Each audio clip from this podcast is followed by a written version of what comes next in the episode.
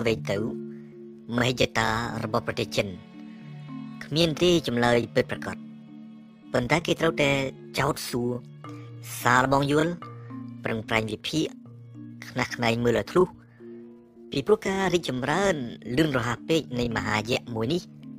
ទាំងនៅលើផ្នែកសេដ្ឋកិច្ចទាំងនៅលើផ្នែកយោធានឹងច្បាស់ជាធ្វើឲ្យប្រែប្រួលមុខមាត់នៃទ្វីបអាស៊ីក្នុងរយៈកាលមធ្យម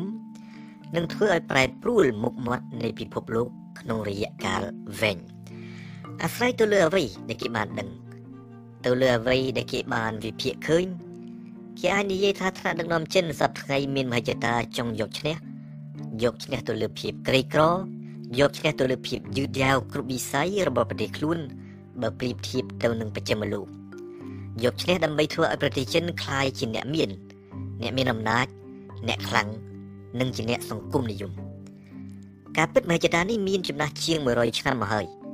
នៅចុងសតវត្សទី19ថ្នាក់ដឹកនាំចិនបានប្រើពាក្យស្លោកហ្វូខៀងពាក្យស្លោកដែលបានន័យថាអ្នកមាននិងមានអំណាចក្រោយមកទៀតសុនយ៉ាត់សេនដែលជាបិតានៃសាធារណរដ្ឋចិន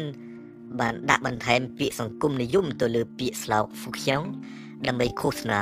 បង្រួបបង្រួមប្រជាជាតិយកឈ្នះ តែមិនចាំបាច់ប្រយុទ្ធនេះហើយជាមហិច្ឆតារបស់ថ្នាក់ដឹកនាំចិនសប្តាហ៍ថ្ងៃបានន័យថាយកឈ្នះដោយប្រើវិធីសន្តិភាព មិនចាំបាច់ធ្វើសង្គ្រាម ពីព្រោះគណៈបកកុម្មុយនីចិនដឹងថា សង្គ្រាមដែលមានលក្ខណៈយោធានឹងធ្វើឲ្យប្រទេសចិនចាញ់បើចិនធ្វើសង្គ្រាម មានតែធ្វើជាមួយសហរដ្ឋអាមេរិកពីព្រោះចង់ឬមិនចង់ពីពេលនេះតទៅប្រទេសចិនត្រូវប្រឈមមុខមុនគេនឹងអាមេរិកនិយាយបែបផ្សេងសង្គ្រាម ទោះជាកើតឡើងនៅអាស៊ីបូព៌ានៅអាស៊ីអាគ្នេយ៍ឬនៅប៉ាស៊ីហ្វិកក៏ដោយនឹងធ្វើឲ្យចិនខាតតែយ៉ាងហើយបានជាក្នុងពេលនេះចិនបិទមាត់សំលៀងថ្មិញពីព្រោះត្របាក់មិនទាន់បាន នៅក្នុងន័យនេះតាំងពីខែធ្នូឆ្នាំ1978មកបកកុម្មុយនីចិនកាលនោះក្រោមការដឹកនាំរបស់តេងសៀវពេញបានសម្រេចចិត្តឈប់ប្រជុំមុខផ្ទាល់ជាមួយចក្រពត្តិអាមេរិក ងាកមករកមាគ៌ាសេដ្ឋកិច្ចមូលធននិយមដោយបើកចំហប្រទេសទៅក្រៅនិងធ្វើកំណែទម្រង់នៅខាងក្នុងម្យ៉ាងវិញទៀតប្រទេសចិនបច្ចុប្បន្នបានសម្រេចដកខ្លួនចេញពីតតេយលោកនៅក្នុងអតីតកាលនិយាយចំចាប់ពីសន្និសិទបណ្ដាប្រទេសមិនជួលបកសម្ព័ន្ធនៅបង់ឌុនក្នុងឆ្នាំ1955ជាពិសេសក្រោយពីលែងត្រូវគ្នាជាមួយសហភាពសូវៀត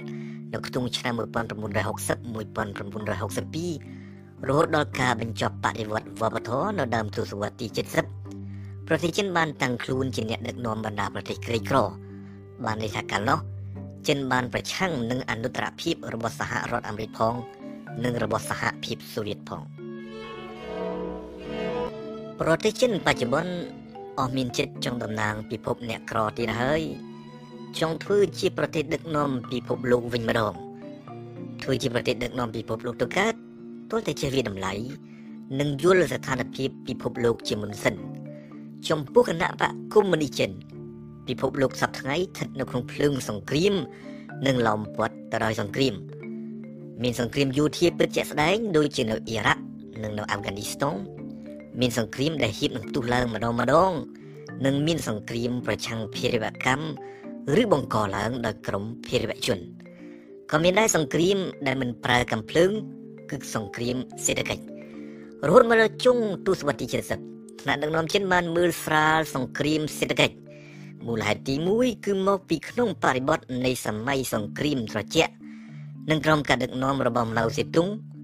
ប្រទេសចិនបានឲ្យតម្លៃទៅលើតែសង្គ្រាមមនោគមវិជ្ជាមូលហេតុទី2 គឺមកពីរហូតមកដល់ចុងទសវត្សរ៍ទី70អ្វីដែលគេហៅថាបាតុភិបនៃពិភពលោកភាវូបនីយកម្មមិនទាន់មានសន្ទុះឃ្លាវខ្លានិងលក្ខណៈសកលដូចសពថ្ងៃចំពោះថ្នាក់ដឹកនាំចិនពាក្យថាពិភពភាវូបនីយកម្មមានន័យថាជាសង្គ្រាមសេដ្ឋកិច្ចពិភពលោកដែលអាចធ្វើឲ្យប្រទេសមួយคล้ายជាប្រទេសអ្នកមាននៅពេលណាคล้ายជាអ្នកមានហើយអាចគេចផុត ពីការសង្កត់សង្កិនពីសំណាក់ប្រទេសមួយផ្សេងទៀតនៅក្នុងសង្គ្រាមសេដ្ឋកិច្ចពិភពលោកនេះថ្នាក់ដឹកនាំចិនដឹងថាប្រទេសខ្លួនមានគុណសម្បត្តិជាច្រើនដូចជាចំនួនសន្ធឹកសន្ធាប់នៃប្រជាជនពលករស្វិតស្វាញនិងមានថ្មីដៃកំណើនសេដ្ឋកិច្ចខ្លាំងក្លាអាសនៈអចិន្ត្រៃយ៍នៅអង្គការសហប្រជាជាតិសមាជិករបស់អង្គការពាណិជ្ជកម្មពិភពលោកតាំងពីឆ្នាំ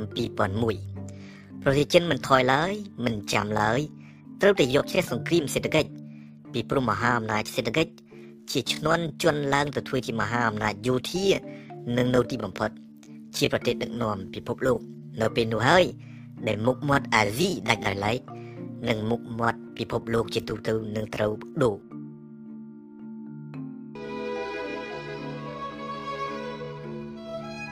នៅដើមទសវត្សរ៍ទី90 ថ្នាក់ដឹកនាំចិនផ្ដើមមានគំនិតចង់សើឬមើលឡើងវិញទិសដៅយុទ្ធសាស្ត្ររបស់ខ្លួន ពីព្រោះសហភាពសូវៀតបានរលំរលាយបាត់ទៅ នៅថ្ងៃទី26ធ្នូឆ្នាំ1991ពីព្រមយ៉ាងទៀតចិនដែលបានសម្រួលទំនាក់ទំនងទូតជាមួយសហរដ្ឋអាមេរិកនៅខែមករាឆ្នាំ1979ដើម្បីទប់ទល់នឹងសូវៀតផ្ដើមយល់ពីបរិបទថ្មីនៃសករាជក្រោយសង្គ្រាមត្រជាក់ចិនផ្ដើមយល់ថាមិនយូរមិនឆាប់ ខ្លួននឹងក្លាយជាសត្រូវទី1របស់អាមេរិកវិញម្ដងប៉ុន្តែក្តីបារម្ភបែបនេះរបស់ប្រទេសចិនបានបាត់បង់ទៅវិញពីព្រោះនៅឆ្នាំ1992អាមេរិករបស់ George Bush ឪពុកមិនបានចាត់ទុកចិនថាជាសត្រូវទេហើយនៅឆ្នាំ1997អាមេរិកថែមទាំងសម្រេចកាត់បន្ថយចោល30%នៃថវិកាយោធារបស់ខ្លួនទៀតផងនៅក្នុងបរិបទបែបនេះ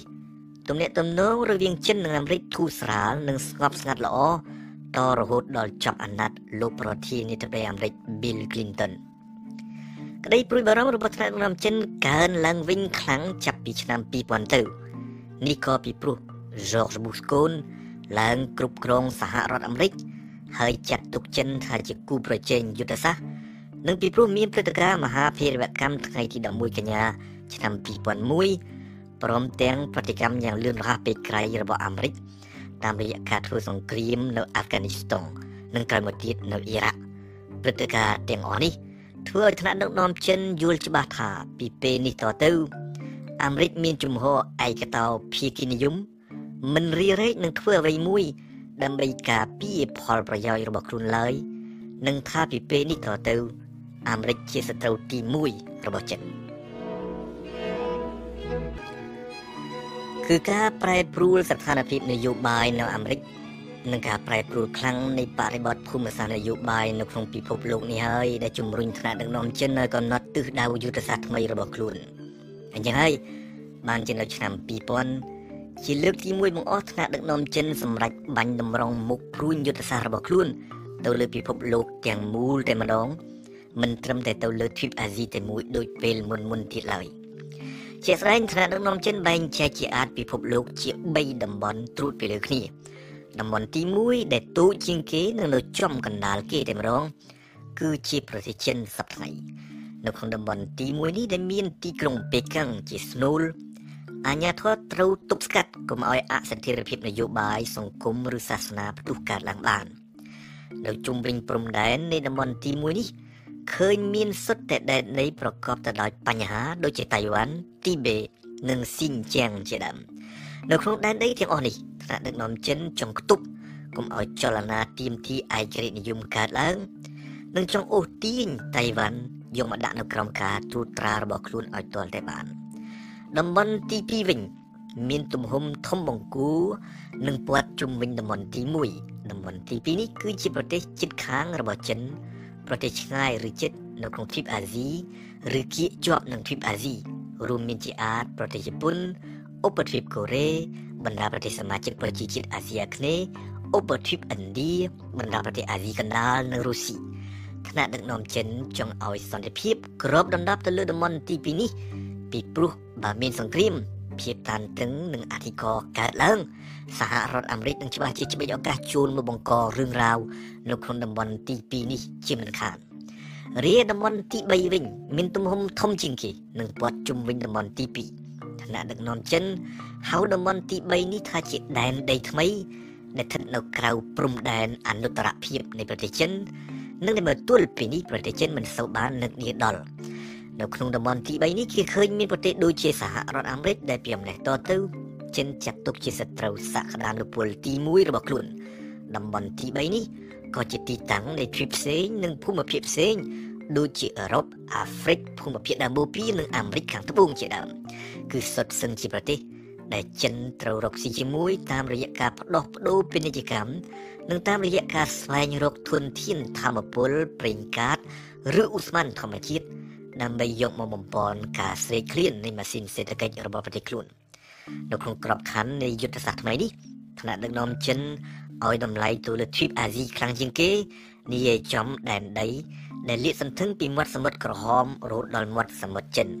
មូលហេតុគឺមកពីដែនដីដ៏ធំល្វឹងល្វើយនេះ មានធនធានធម្មពលច្រើនជាងគេបង្អស់នៅលើពិភពលោកពូលគឺប្រមាណ70%នៃអណ្ដូងប្រេងកាត និង53%នៃអណ្ដូងអ៊ូស្មန်ទាំងស្រុងដែលគេបានរកឃើញមកទល់សប្តាហ៍ ម្យ៉ាងវិញទៀតអាស៊ីក៏ជាទ្វីបដែលសម្បូរមនុស្សច្រើនជាងគេដែរហើយនៅចុងក្រោយបង្អស់អាស៊ីជាទ្វីបដែលមានសក្តានុពលសេដ្ឋកិច្ចខ្លាំងក្លាលើសទ្វីបណានាទាំងអស់នៅដើមទសវត្សរ៍ទី90ថ្នាក់ដឹកនាំចិនបានសម្រេចបដូរយុទ្ធសាស្ត្ររបស់ខ្លួនជាថ្មីម្ដងទៀតពីព្រោះភូមិសាស្ត្រនយោបាយពិភពលោកនិងស្ថានភាពក្នុងប្រទេសចិនប្រែប្រួល នៅលើឆាកអន្តរជាតិបរិបទផ្លាស់ប្ដូរដែលហេតុការរលាយបាត់ទៅនៃសហភាពសូវៀតនៅថ្ងៃទី26ធ្នូឆ្នាំ1991នៅក្នុងប្រទេសចិនវិញមានការរំជើបរំជួលកើតឡើងនៅស៊ីនជាងប៉ែកខាងលិចនៃប្រទេសនៅទីនោះពួកអ៊ុយហ្គូដែលជាអ្នកកាន់សាសនាអ៊ីស្លាមនាំគ្នាទាមទារឯករាជ្យបង្កឃាតកម្មនិងភេរវកម្មហេតុអ្វីបានជាថ្នាក់ដឹកនាំចិនត្រូវបង្ខំចិត្តបដូរយុទ្ធសាស្ត្រ ក្រោយពេលដែលសហភាពសូវៀតរលាយការរលាយបាត់ទៅនៃសហភាពសូវៀតបានធ្វើឲ្យសាធារណរដ្ឋអាស៊ីកណ្ដាលទាំង5គឺកាហ្សាក់ស្តុងគឺហ្គីស៊ីស្តុងអ៊ូហ្ស្បេគីស្តុងតាជីគីស្តុងនិងជុកមេនីស្តុងคล้ายជារដ្ឋឯករាជ្យក្រោយឆ្នាំ1991អាស៊ីកណ្ដាលលែងជាកម្មសិទ្ធិរបស់រុស្ស៊ីទៀតហើយជាហេតុធ្វើឲ្យចិនសម្លឹងឃើញប្រេងកាតដ៏ច្រើនសន្ធឹកសន្ធាប់របស់តំបន់នេះតាមពិត សូម្បីតែរុស្ស៊ីខ្លួនឯងសហរដ្ឋអាមេរិកនិងឥណ្ឌាក៏សម្លឹងឃើញប្រយោជន៍នៃភូមិភាគអាស៊ីកណ្ដាលនេះដែរម្យ៉ាងវិញទៀតចិនចាំបាច់ត្រូវតែយកចិត្តទុកដាក់ទៅលើតំបន់យុទ្ធសាស្ត្រមួយនេះជាទីដែលប្រជាជនច្រើនលើសលប់ជាអ្នកកាន់សាសនាអ៊ីស្លាម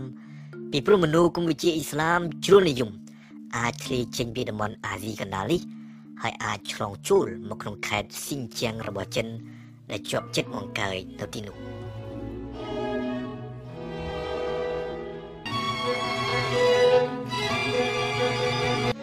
ប្រជុំមុខនឹងបរិបទថ្មីបែបនេះនៃពិភពលោក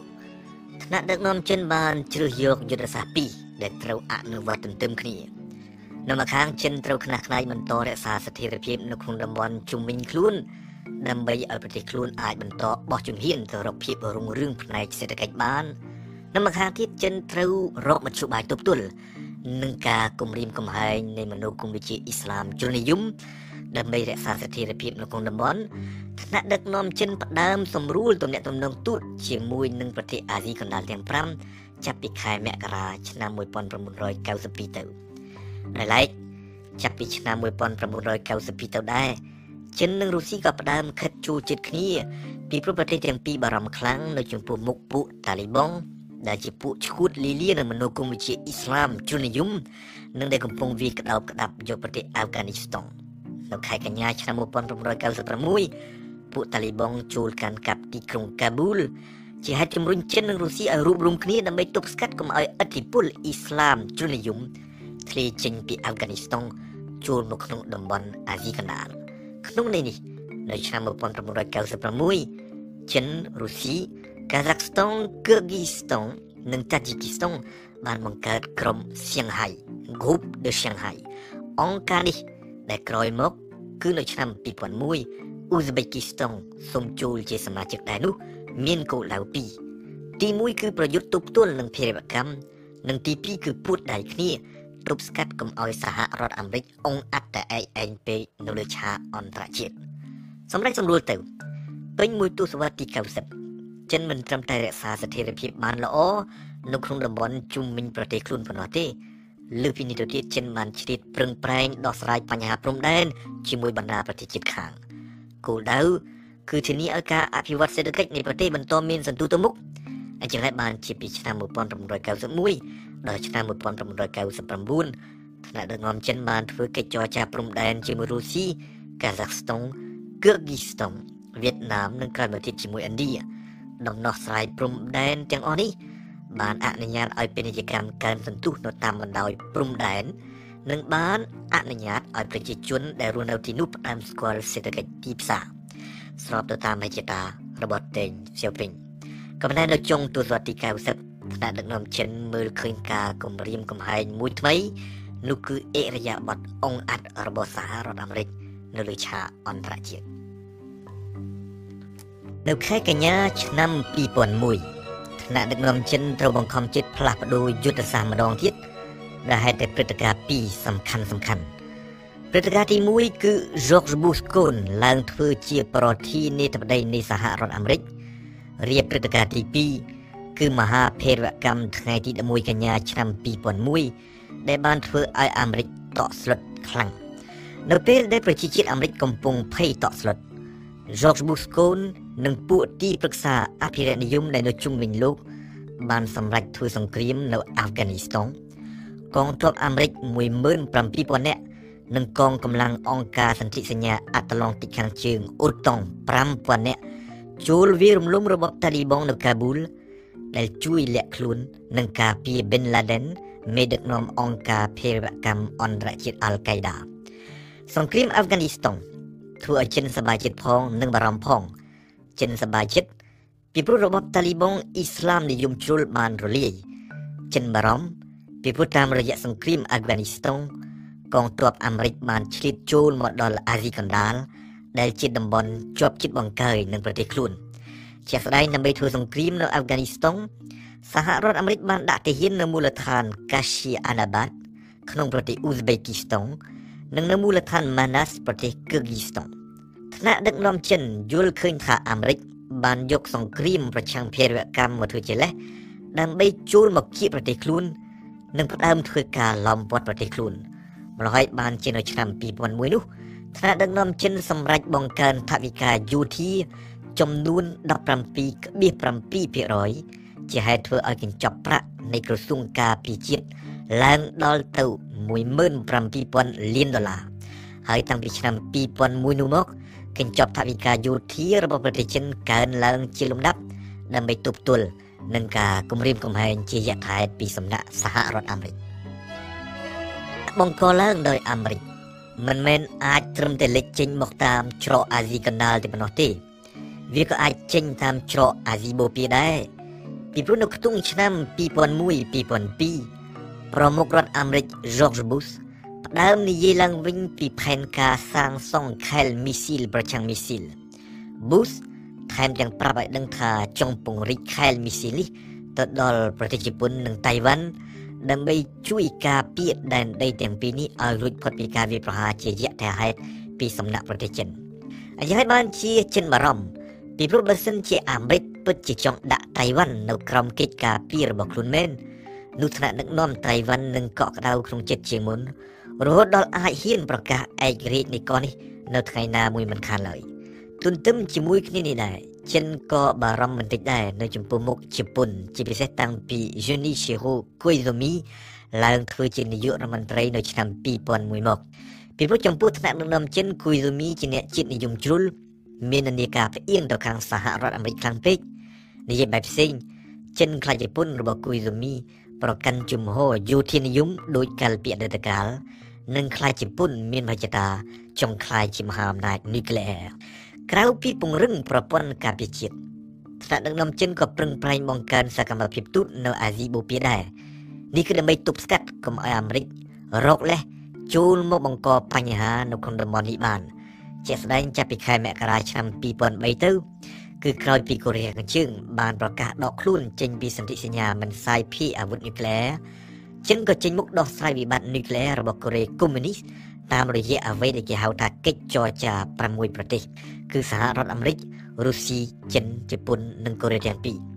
ថ្នាក់ដឹកនាំចិនពិតជាមានឆន្ទៈបញ្ចុះបញ្ចូលកូរ៉េខាងជើងកុំឲ្យផលិតគ្រាប់បែកបរមាណុនេះគឺដើម្បីកុំឲ្យអាមេរិកមានលេសចូលមកបង្ករឿងនៅឧបទ្វីបកូរ៉េបាននិងកុំឲ្យជប៉ុនមានលេសចង់ផលិតអាវុធនុយក្លេអ៊ែរនឹងគេដែរទន្ទឹមជាមួយគ្នានេះដែរ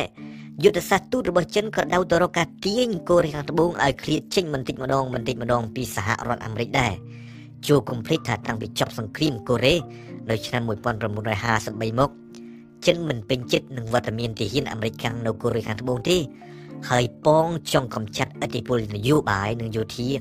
របស់អាមេរិកអស់ពីឧបទ្វីបកូរ៉េទំនាក់ទំនងរវាងចិននិងជប៉ុនសប្តាហ៍ បង្កប់ទៅដោយការមិនទុកចិត្តគ្នាទៅវិញទៅមកចិនមិនទុកចិត្តជប៉ុននិងមិនអាចទុកចិត្តជប៉ុនបានដែលហេតុតែអតីតកាលយោធានិយមនៃប្រទេសនេះដែលហេតុតែអំពើសាហាវយងខ្នងដែលកងទ័ពជប៉ុន បានប្រព្រឹត្តទៅលើប្រជាជនចិនដោយយ៉ាងការកាប់សម្លាប់រង្គាលនៅនងកាំងក្នុងឆ្នាំ1937ជាដើម ចិនមិនទុកចិត្តជប៉ុនដែលហេតុតែគំនិតសើរឿងនិយមរបស់ថ្នាក់ដឹកនាំជប៉ុនសពថ្ងៃដែលចង់លុបបំបាត់ទង្វើអមនុស្សធម៌ទាំងនេះឲ្យបាត់អស់រលីងពីសៀវភៅប្រវត្តិសាស្ត្រចិនមិនទុកចិត្តជប៉ុនដែលហេតុតែសម្ព័ន្ធភាពរវាងជប៉ុននិងសហរដ្ឋអាមេរិកដែលហេតុតែវត្តមានមកទល់ឥឡូវនៃកងទ័ពអាមេរិកនៅលើទឹកដីជប៉ុនទន្ទឹមនេះក៏មានច្រើនដែរមូលហេតុដែលធ្វើឲ្យជប៉ុនមិនទុកចិត្តចិន ដូចជាចំនួនដ៏ច្រើនសន្ធឹកសន្ធាប់នៃប្រជាជនចិនរបបកុម្មុយនីសផ្ដាច់ការនយោបាយសម្លុតកំញើញរបស់ថ្នាក់ដឹកនាំចិនទៅលើកោះតៃវ៉ាន់និងសេដ្ឋកិច្ចស្ទុះលឿនជ្រុលរបស់ប្រទេសចិននៅក្រោយព្រឹត្តិការណ៍មហាភេរវកម្មថ្ងៃទី11កញ្ញាឆ្នាំ2001ចិនតាមដានមើលទាំងក្តីព្រួយបារម្ភ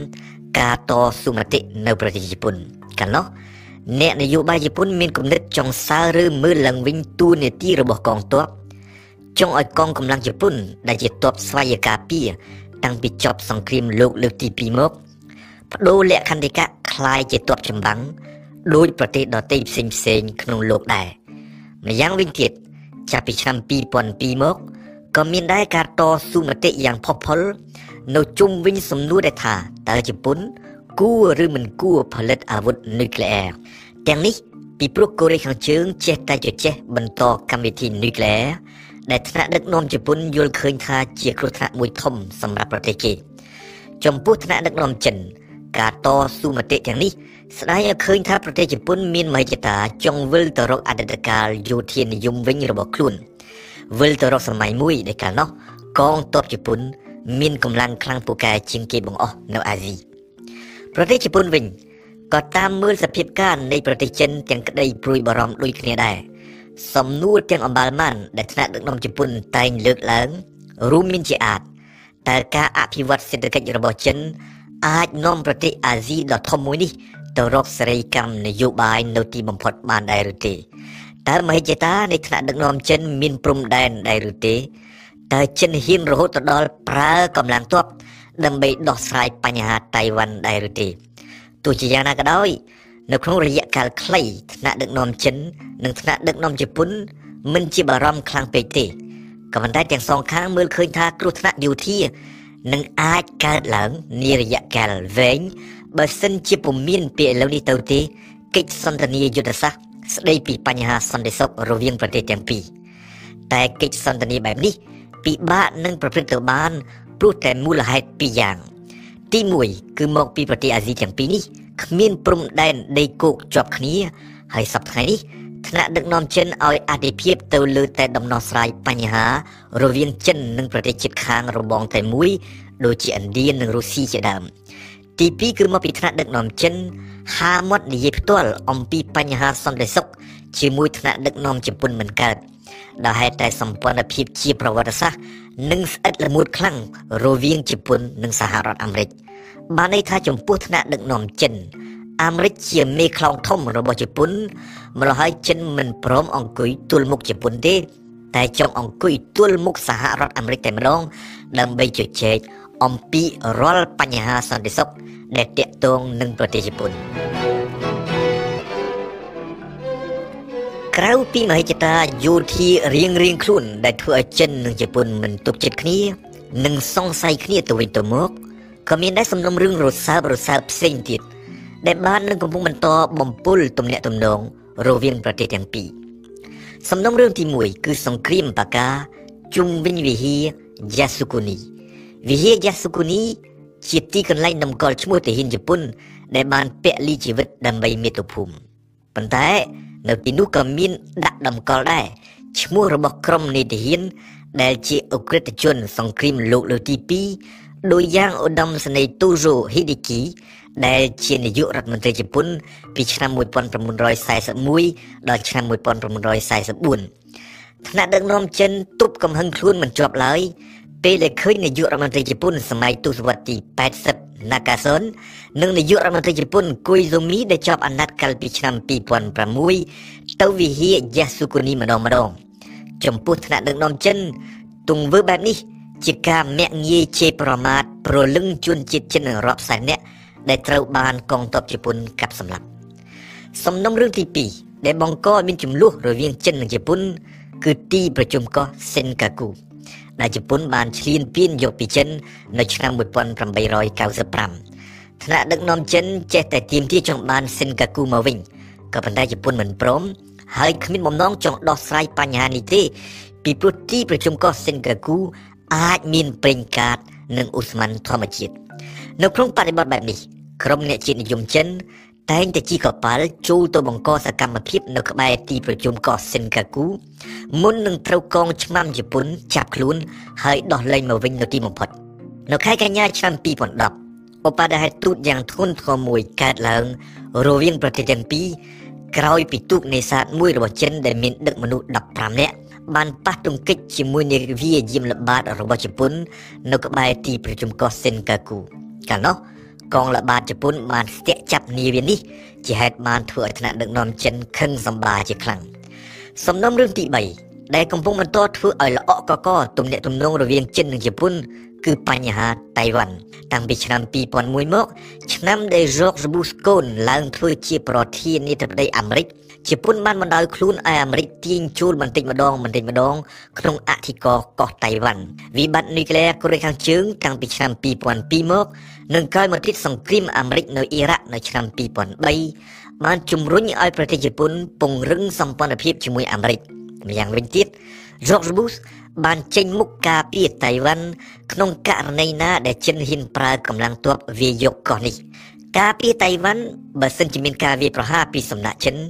គឺនៅតែជានយោបាយរបស់សហរដ្ឋអាមេរិកមកទល់សពថ្ងៃពីព្រោះអាមេរិកចង់ឃើញចិនគំរិះនិងចិនតៃវ៉ាន់បង្រួបបង្រួមគ្នាតាមផ្លូវចរចាជាជាងតាមនយោបាយសិទ្ធិម្ល៉េះហើយថ្នាក់ដឹកនាំចិនជឿជាក់ថាក្នុងនាមជាសម្ព័ន្ធមិត្តចាក់ទឹកមិនលិចរបស់អាមេរិកជប៉ុននឹងច្បាស់ជាចូលរួមក្នុងប្រតិបត្តិការយោធាដើម្បីការពារតៃវ៉ាន់ដែរបើសិនជាសង្គ្រាមផ្ទុះឡើងនៅថ្ងៃណាមួយមែននោះ ត្រង់ចំណុចនេះថ្នាក់ដឹកនាំចិន ប្រហែលជាមិនភ័ន្តច្រឡំទេ ពីព្រោះនៅឆ្នាំ2005ជប៉ុននិងអាមេរិកបានប្រកាសរួមគ្នាជាសម្លេងតែមួយថាដៃសមុទ្រ Formose ជាតំបន់យុទ្ធសាស្ត្ររួមរបស់សហរដ្ឋអាមេរិកនិងរបស់ប្រទេសជប៉ុននំមួយខ្លាពីរ នេះហើយជារូបភាពដែលស្ដែងចេញពីវត្តមានរបស់ប្រទេសចិន និងរបស់ប្រទេសជប៉ុននៅក្នុងទ្វីបអាស៊ីសប្តាហ៍បានន័យថាប្រទេសទាំងពីរជាមិនរួចពីមើលមុខគ្នាមិនចំ ប្រឈមមុខដាក់គ្នានិងប្រជែងឥទ្ធិពលគ្នា ពីព្រោះចិននិងជប៉ុនធ្វើត្បិតជាអាស៊ីដូចគ្នាមែនពិតតែជាគំរូពីរផ្ទុយខុសគ្នាស្រឡះជប៉ុនមានរូបភាពជាមហាអំណាចត្រជាក់មិនធ្វើឲ្យគេភ័យរាជចិនវិញជាមហាអំណាចក្តៅ ជាប្រភពនៃក្តីព្រួយបារម្ភជប៉ុនជាប្រទេសទំនើបមិនចាញ់បច្ចិមលោកទេជប៉ុនជាប្រទេសទាន់សម័យតាំងពីចុងសតវត្សទី19ម្លេះហើយរហូតមកទល់ដើមទសវត្សទី30ជប៉ុនជាគំរូសេដ្ឋកិច្ចមនោគមវិជ្ជានិងនយោបាយសម្រាប់បណ្ដាបញ្ញវន្តអាស៊ីមួយចំនួនធំក្រោយមកទៀតជប៉ុនបានបាត់បង់តួនាទីជាប្រទេសគំរូនាំមុខគេនៅអាស៊ីដែលតែខ្លួនជាអ្នកនាំអាចបង្កសង្គ្រាមលោកលើកទី2 ក៏ប៉ុន្តែ ចាប់ពីទសវត្សទី50ទៅជប៉ុនមានកិត្តិយសភាពនិងស្គាល់ភាពរុងរឿងឡើងវិញរហូតដល់ក្លាយទៅជាមហាអំណាចសេដ្ឋកិច្ចទី1នៅអាស៊ីនិងជាប្រទេសប្រជាធិបតេយ្យគំរូមួយដ៏ល្អសម្រាប់ប្រទេសអាស៊ីដទៃ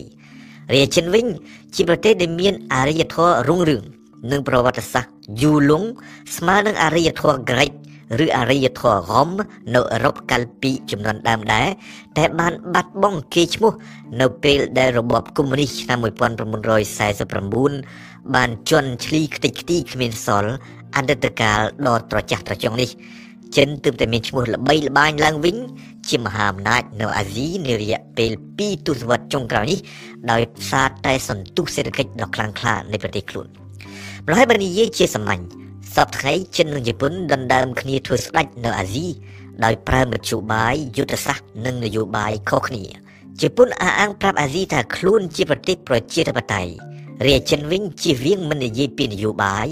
លើកដំកើងគោលការណ៍មិនជ្រៀតជ្រែកបញ្ហាផ្ទៃក្នុងនៃប្រទេសផ្សេងឲ្យអធិភាពទៅលើតែសេដ្ឋកិច្ចនៅចំពោះមុខបណ្ដាប្រទេសដែលខ្លួនជួយជប៉ុនឲ្យតម្លៃទៅលើគម្រោងការអភិវឌ្ឍយឺនយូរ មីក្រូគម្រោងការ សង្គមស៊ីវិលនិងអភិបាលកិច្ចល្អរាជចិនវិញអនុវត្តនយោបាយជំនួយគ្មានលក្ខខណ្ឌដូចជានៅភូមាឬនៅកម្ពុជាជាដើមសេះតាមរយៈអភិក្រមនៃសមាហរណកម្មតំបន់ថ្នាក់ដឹកនាំចិនចង់បានសមាហរណកម្មមួយ ដែលប្រមូលយកតែបណ្ដាប្រទេសអាស៊ីសុទ្ធសាធមកដាក់ជុំវិញប្រទេសខ្លួន ដោយមិនឲ្យមានការចូលរួមឬការជ្រៀតជ្រែក ពីសំណាក់មហាអំណាចណាដែលមិនមែនជាអាស៊ីដូចយ៉ាងសហរដ្ឋអាមេរិកជាដើមរាជជប៉ុនវិញចង់បើកចំហលំហដែនដីអាស៊ីដល់ប្រទេសផ្សេងផ្សេងដូចជាអូស្ត្រាលីនូវែលសេឡង់និងអាមេរិកគោលដៅគឺរក្សាតុល្យភាពនៅអាស៊ីកុំឲ្យចិនមានព្រៀបខ្លាំងពេកត្រង់ចំណុចនេះបណ្ដាប្រទេសអាស៊ានភាគច្រើនយល់ឃើញដូចជប៉ុនដែរមិនចង់ឲ្យអាស៊ីคล้ายជាពូលមួយដែលស្ថិតនៅក្រោមឥទ្ធិពលផ្ដាច់មុខរបស់ចិនទេ ការប្រជែងឥទ្ធិពលគ្នារវាងចិននិងជប៉ុនប្រព្រឹត្តទៅជាពិសេសនៅអាស៊ីអាគ្នេយ៍ជាក់ស្ដែងនៅខែមករាឆ្នាំ1997ជាលើកទី1បង្អស់នាយករដ្ឋមន្ត្រីជប៉ុនសម័យនោះគឺ Ryotaro Hashimoto ស្នើអាស៊ានឲ្យបង្កើតជំនួបកម្ពុជាមួយឆ្នាំម្ដងរវាងអាស៊ាននិងជប៉ុនប៉ុន្តែកាលនោះអាស៊ានរារែកបារម្ភខ្លាចចិនអអន់ចិត្តនៅទីបំផុតអាស៊ានសម្រេចចិត្តអញ្ជើញជប៉ុន ចិននិងកូរ៉េខាងត្បូងមកចូលរួមជាលើកទី1បង្អស់ក្នុងជំនួបកម្ពុជារបស់គេនៅខែធ្នូឆ្នាំ1997គឺជាការផ្ដើមចាប់បដិសន្ធិឡើងនៃអ្វីដែលគេឲ្យឈ្មោះថាអាស៊ានបូក3អាស៊ានបូក3ត្រូវបានបង្កើតឡើងជាផ្លូវការមួយឆ្នាំក្រោយមកគឺមានឱកាសជំនួបកម្ពុជានៅហាណូយប្រទេសវៀតណាមក្នុងឆ្នាំ1998ពីព្រោះនៅឆ្នាំ1998នោះប្រទេសអាស៊ីមួយចំនួនជួបនឹងការប្រែប្រួលនយោបាយ នៅឥណ្ឌូនេស៊ីរបបផ្ដាច់ការរបស់ស៊ូហាក់ទូដួលរលំនៅម៉ាឡេស៊ីនាយករដ្ឋមន្ត្រីមហាទីដកឧបនាយករដ្ឋមន្ត្រីអនវ៉ាដែលคล้ายជាគូប្រជែងចេញពីតំណែងនៅកូរ៉េខាងត្បូងគីមដេយុងជាប់ឆ្នោតជាប្រធានាធិបតីនៅជប៉ុនរីយូតារ៉ូអាស៊ីម៉ូតូត្រូវបង្ខំចិត្តលាលែងពីតំណែងនាយករដ្ឋមន្ត្រី ការប្រែប្រួលនយោបាយទាំងអស់នេះនិងវិបត្តិហេរញ្ញវត្ថុអាស៊ីបាននំរោចបង្កើតឡើងយ៉ាងលឿនរហ័សជំនួបកម្ពុជាអាស៊ានបូក3នេះឡើង ដើម្បីជាឱកាសឲ្យថ្នាក់ដឹកនាំអាស៊ីផ្ដោះប្ដូរយោបល់និងសាកល្បងរកដំណោះស្រាយការប្រជែងឥទ្ធិពលគ្នារវាងចិននិងជប៉ុនបានធ្លាយចេញហួសពីព្រំដែននៃទ្វីបអាស៊ីហើយចូលទៅដល់វេទិកានៃអង្គការសហប្រជាជាតិជប៉ុនទាមទារចង់បានដូចចិនដែរ អាសនៈអចិន្ត្រៃយ៍មួយនៅក្នុងក្រុមប្រឹក្សាសន្តិសុខហើយសូមឲ្យលុបបំបត្តិចោលមាត្រាទី53នៃធម្មនុញ្ញអង្គការសហប្រជាជាតិមាត្រាទី53នេះចាត់ទុកជប៉ុននិងអាល្លឺម៉ង់ដែលជាអ្នកបានបង្កសង្គ្រាមលោកលើកទី2ថាជាប្រទេសសត្រូវក៏ប៉ុន្តែចិនដែលមានសិទ្ធិវេតូមិនព្រមឲ្យលុបមេត្រានេះចោលចិនអះអាងថាជប៉ុនចង់សើឬប្រវត្តិសាស្ត្រចង់វិលទៅរកអតីតកាលយោធានិយមរបស់ខ្លួនវិញដូចជាអញ្ចឹងដែរ ចិនមិនព្រមឲ្យជប៉ុនក្លាយជាសមាជិកអចិន្ត្រៃយ៍នៃក្រុមប្រឹក្សាសន្តិសុខអង្គការសហប្រជាជាតិនេះគឺមកពីចិនចង់រក្សាលក្ខន្តិកៈរបស់ខ្លួន ជាមហាអំណាចនយោបាយតែមួយគត់នៅអាស៊ីចុងក្រោយនេះគេនាំគ្នាឆ្ងល់ឆ្ងល់តើហេតុអ្វីបានជាចិននិងជប៉ុនដែលនៅលើវិស័យសេដ្ឋកិច្ចនិងពាណិជ្ជកម្មត្រូវការគ្នាទៅវិញទៅមកកាន់តែខ្លាំងនៅតែមិនត្រូវគ្នា ធ្វើឲ្យភាពតានតឹងរវាងប្រទេសទាំងពីរកើតឡើងជាញឹកញយតាំងពីឆ្នាំ2002មកម្លេះចិនជាប្រទេសដែលទិញផលិតផលជប៉ុនច្រើនជាងគេ នៅឆ្នាំ2009ផលិតផលជប៉ុនតំណាងរហូតដល់ទៅ22%នៃផលិតផលបរទេសទាំងស្រុងដែលចិននាំចូលមកក្នុងប្រទេសខ្លួនទន្ទឹមនេះនៅឆ្នាំ2009ដដែលនោះចិនក្លាយជាដៃគូពាណិជ្ជកម្មទី1របស់ជប៉ុន សំខាន់ជាងសហរដ្ឋអាមេរិកនិងសហភាពអឺរ៉ុបទៅទៀតដោយបានលក់ទៅឲ្យប្រទេសជប៉ុន19%នៃទំនិញទាំងស្រុង ដែលខ្លួននាំចេញទៅបរទេសប្រទេសចិនជាទីដែលសម្បូរទៅដោយរោងចក្រជប៉ុន ដែលក្រោយពីបានបង្កើតផលិតផលហើយនាំទំនិញទាំងនោះយកទៅលក់នៅប្រទេសជប៉ុនវិញម្ល៉េះហើយបានជាថ្នាក់ដឹកនាំជប៉ុនតែងតែអះអាងថាជប៉ុនជាដង្ហើមនៃកំណើនសេដ្ឋកិច្ចចិន រីឯនៅខាងថ្នាក់ដឹកនាំចិនវិញគេនិយាយផ្សេងគេថាចិនជាមហាទីផ្សារមួយ សម្រាប់ផលិតផលជប៉ុនដូច្នេះគឺចិនទៅវិញទេដែលជាក្បាលម៉ាស៊ីននៃសេដ្ឋកិច្ចជប៉ុនម្ល៉េះហើយជាការពិតណាស់ដែលថាចិននិងជប៉ុនត្រូវការគ្នាកាន់តែខ្លាំងនៅលើវិស័យសេដ្ឋកិច្ចនិងពាណិជ្ជកម្មក៏ប៉ុន្តែសេដ្ឋកិច្ចក៏ជាប្រភពមួយធំ នៃភាពតានតឹងរវាងប្រទេសទាំងពីរដែរថ្នាក់ដឹកនាំចិនជួចិត្តនិយាយថាប្រទេសខ្លួន ជាសេដ្ឋកិច្ចមួយនៅក្មេងនិងប្រកបទៅដោយធម៌ពលខុសផ្ទុយពីជប៉ុនដែលជាសេដ្ឋកិច្ចមួយចាស់ជរាកំពុងទុនខ្សោយទៅវិញបន្តិចម្ដងបន្តិចម្ដងការនិយាយឃោសនាបែបនេះ មានមូលហេតុជាក់ច្បាស់ពីព្រោះនៅឆ្នាំ2005ចិនបានក្លាយទៅជាមហាអំណាចសេដ្ឋកិច្ចទី4នៅឆ្នាំ2007ចិនបានក្លាយជាមហាអំណាចសេដ្ឋកិច្ចទី3ដែលដេញប្រគាកជាប់ពីក្រោយជប៉ុន មុននឹងក្លាយជាមហាអំណាចសេដ្ឋកិច្ចទី2ដែលបានវាយឈ្នះជប៉ុននៅឆ្នាំ2010មែនទែនទៅសេដ្ឋកិច្ចចិនវាយឈ្នះសេដ្ឋកិច្ចជប៉ុនឆាប់ជាងការប្រមើលឃើញពីព្រោះកាលពីជិត10ឆ្នាំមុននេះពួកសេដ្ឋវិទូមួយចំនួនបាននាំគ្នាអះអាងថាគេនឹងត្រូវចាំដល់ឆ្នាំ2015ឯណោះទើបអាចឃើញផលិតផលដុលក្នុងស្រុករបស់ចិនកើនស្មើផលិតផលដុលក្នុងស្រុករបស់ជប៉ុនតាមពិតទៅ ស្ថានភាពប្រែប្រួលលឿនជាងការគ្រោងទុកនេះ ជាផលវិបាកដែលហូរចេញពីវិបត្តិសេដ្ឋកិច្ចសកល ដែលបានកើតឡើងនៅចុងឆ្នាំ2008វិបត្តិសេដ្ឋកិច្ចសកលបានកាត់បន្ថយបន្តិចទេ សន្ទុះសេដ្ឋកិច្ចរបស់បណ្ដាប្រទេសឧស្សាហកម្មជឿនលឿនដូចជាសហរដ្ឋអាមេរិកអឺរ៉ុបនិងជប៉ុនជាដើមទន្ទឹមនេះវិបត្តិសេដ្ឋកិច្ចសកលមិនបានប៉ះពាល់ខ្លាំងឡើយដល់សេដ្ឋកិច្ចរបស់ប្រទេសចិនដោយសារតែថ្នាក់ដឹកនាំចិនបានសម្រេច ចាត់វិធានការទន់ពេលវេលា និងដោយមិនសំចៃលុយឡើយដើម្បីសង្គ្រោះសេដ្ឋកិច្ចជាតិអាងអញ្ញាធិជនពិតជាមានមោទនភាព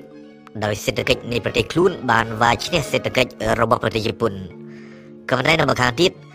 ទីក្រុងប៉េកាំងក៏ត្រូវជាបន្តដាក់ខ្លួនតទៅទៀតដែរដែលហេតុថាប្រទេសចិនជាប្រទេសដែលកំពុងអភិវឌ្ឍនៅឡើយបានន័យថាគុណភាពនៃកំណើនសេដ្ឋកិច្ចរបស់ប្រទេសនេះ នៅមានលក្ខណៈអន់ខ្សោយបើប្រៀបធៀបទៅនឹងគុណភាពនៃកំណើនសេដ្ឋកិច្ចរបស់ជប៉ុនសូមជម្រាបថាផលិតផលដុលក្នុងស្រុករបស់ប្រជាជនចិនម្នាក់ម្នាក់មានប្រមាណតែ3600ដុល្លារតែប៉ុណ្ណោះទល់នឹង37800ដុល្លារសម្រាប់ប្រជាជនជប៉ុនម្នាក់ម្នាក់ម្ល៉េះហើយបានជានៅពេលនេះសេដ្ឋកិច្ចចិនកាន់តែទៅមុខនិងទៅលឿនបើប្រៀបធៀបទៅនឹងសេដ្ឋកិច្ចធំធំដទៃទៀតគឺនៅក្នុងបរិបទនេះហើយដែលនៅចុងឆ្នាំ2009 ចិនបានវាយឈ្នះប្រទេសអាល្លឺម៉ង់ដោយបានក្លាយជាប្រទេសជាប់ចំណាត់ថ្នាក់លេខ1ខាងនាំទំនិញទៅក្រៅប្រទេស គឺនៅក្នុងបរិបទដូចគ្នាហើយដែរដែលចិនបានវាយឈ្នះប្រទេសជប៉ុន5ឆ្នាំមុនការគ្រោងទុកដោយបានក្លាយជាប្រទេសមហាអំណាចសេដ្ឋកិច្ចពិភពលោកទី2ក្នុងឆ្នាំ2010ក្រុមអ្នកវិភាគជាតិនិយមចិនខ្លះចាប់ផ្ដើមដំឡើងសម្លេងអះអាងថាចិនមិនត្រូវនៅបន្តធ្វើជាប្រទេសរោងចក្របង្កើតផលិតផលកំពេចកំពុក ឲ្យជប៉ុនឲ្យចិនតទៅទៀតទេពីព្រោះធ្វើបែបនេះវាខូចកិត្តិយសជាតិក្រុមអ្នកវិភាគជាតិនិយមចិនដដែលនេះថែមទាំងនិយាយទៀតថាបើសិនជាសប្តាហ៍ថ្ងៃសេដ្ឋកិច្ចជប៉ុននៅក្រន់បើក៏ដោយសារតែជប៉ុនបានកាន់កាប់ប្រទេសចិនច្រើនឆ្នាំនិងបានរឹបអូសយកទ្រព្យសម្បត្តិចិនមិនតិចទេ នៅក្នុងន័យនេះរបាយការណ៍មួយរបស់បណ្ឌិតសភាផ្នែកសង្គមសាស្ត្រនៅទីក្រុងប៉េកាំងបានគូបញ្ជាក់ប៉ុន្មានឆ្នាំមុននេះថាពីព្រោះតែសង្គ្រាមជាមួយជប៉ុន និងការកាន់កាប់ប្រទេសចិនដោយកងទ័ពជប៉ុនចិនបានបាត់បង់មនុស្ស50លាននាក់និងបានខាតបង់ប្រាក់អស់រាប់រយលានដុល្លារដោយឡែកខ្លាំងឡើងខ្លាំងឡើងចិននិងជប៉ុនប្រជុំមុខដាក់គ្នានៅក្នុងវិស័យស្វែងរកធនធានធម្មពលដើម្បីយកមកបំពន់ម៉ាស៊ីនសេដ្ឋកិច្ចនៃប្រទេសគេរៀងៗខ្លួនគឺនៅក្នុងបរិបទនេះហើយដែលគេអាចស្វែងយល់បាននៅមូលហេតុនៃវិវាទជុំវិញទីប្រជុំកោះស្កាត់លេនិងប៉ាហាសែល នៅប៉ែកខាងត្បូងនៃសមុទ្រចិនប្រទេសចំនួន8គឺចិនជប៉ុនតៃវ៉ាន់វៀតណាមហ្វីលីពីនប្រ៊ុយណេម៉ាឡេស៊ីនិងឥណ្ឌូនេស៊ីដណ្ដើមគ្នាចង់បានកូនកោះទាំងអស់នេះដែលសម្បូរទៅដោយប្រេងកាតនិងឧស្ម័នធម្មជាតិដូចគ្នាជាងដែរប៉ុន្មានឆ្នាំចុងក្រោយនេះចិននិងជប៉ុនទាស់តែងគ្នាកាន់តែខ្លាំងជុំវិញព្រំដែនសមុទ្រម្ដុំកោះមីយ៉ាគូដែលប្រហែលជាមានផ្ទុកទៅដោយឧស្ម័នធម្មជាតិមូលហេតុគឺមកពីចិន បានជួលមកជីករកឧស្ម័ននៅជិតកោះមីយ៉ាគូនេះនៅត្រង់កន្លែងមួយដែលស្ថិតនៅក្រៅព្រំដែនទឹកផ្ដាច់មុខរបស់ខ្លួនឃើញដូច្នេះរដ្ឋាភិបាលជប៉ុនក៏បានអនុញ្ញាតនៅខែមេសាឆ្នាំ2005ឲ្យក្រុមហ៊ុនជប៉ុនមួយជួលទៅជីករកឧស្ម័ននៅទីនោះដែរតាំងពីពេលនោះមកការដណ្ដើមគ្នារុករកឧស្ម័ននៅម្ដុំកោះមីយ៉ាគូនៅតែជារឿងរ៉ាវមួយ ដែលទីក្រុងប៉េកាំងនិងទីក្រុងតូក្យូដោះស្រាយមិនទាន់រួចនៅឡើយ ភ្នំមួយខ្លាពីរហើយភ្នំមួយមិនអាចមានខ្លាពីរបានទេពាក្យពីរឃ្លានេះបំភ្លឺស្ថានភាពនៃទំនាក់ទំនងដ៏តានតឹងរវាងចិននិងជប៉ុននារយៈពេលប្រមាណឆ្នាំចុងក្រោយនេះចំពោះថ្នាក់ដឹកនាំចិន គេមិនត្រូវបំភ្លេចអនុស្សាវរីយ៍ដ៏ល្វីងជូរចត់នៃអតីតកាលបានឡើយអនុស្សាវរីយ៍នៃសម័យមួយដែលកងទ័ពជប៉ុនបានជួលឈ្លានពានប្រទេសចិន កាន់កាប់ប្រទេសចិន និងកាប់សម្លាប់ប្រជាជនចិនម្ល៉េះហើយបានជាថ្នាក់ដឹកនាំចិនមិនព្រមឲ្យជប៉ុនសើរើប្រវត្តិសាស្ត្រលុបបំបត្តិអំពើសាហាវយងខ្នងដែលខ្លួនបានប្រព្រឹត្តនៅក្នុងអតីតកាលមិនព្រមឲ្យប្រមុខរដ្ឋាភិបាលជប៉ុន ទៅធ្វើគារវកិច្ចគោរពវិញ្ញាណក្ខន្ធទាហានជប៉ុននៅវិហារយេស៊ូគូនី ប៉ុន្តែអតីតកាលតែមួយមុខមិនគ្រប់គ្រាន់ទេដើម្បីពន្យល់បំភ្លឺការមើលមុខគ្នាមិនចំការប្រជុំមុខដាក់គ្នា និងការមិនត្រូវគ្នារវាងចិននិងជប៉ុនសប្តាហ៍តាមពិតទៅ ប្រភពនៃភាពតានតឹងខ្លាំងនេះ រវាងមហាយៈអាស៊ីទាំងពីរតកតងនឹងបច្ចុប្បន្នកាលនិងអនាគតកាលជាងអតីតកាលថ្នាក់ដឹកនាំចិនចិញ្ចឹមមនុស្សសញ្ចេតនាជាតិនិយមរបស់ប្រជាជនដែលស្អប់ជប៉ុនស្រាប់ឲ្យប្រយ័ត្ន គុំទុកចិត្តប្រទេសសត្រូវស៊ូពូជមួយនេះឲ្យសោះនៅក្នុងន័យនេះទីក្រុងប៉េកាំងតែងតែបញ្ជាក់ឲ្យបញ្ជាក់ទៀតថាទីប្រជុំកោះសិនកាគូជាទឹកដីចិនដែលជប៉ុនបានឈ្លានពានយកនៅឆ្នាំ1895និងថាត្រូវតែទាមទារយកវាមកវិញឲ្យបានតាមរយៈការចិញ្ចឹមមនុស្សសញ្ចេតនាជាតិនិយមបែបនេះរបស់ប្រជាជនខ្លួន ថ្នាក់ដឹកនាំចិនសង្ឃឹមថាអាចបង្វែរកំហឹងរបស់មហាជនដែលអន់ចិត្តដោយហេតុតែវិបត្តិសង្គម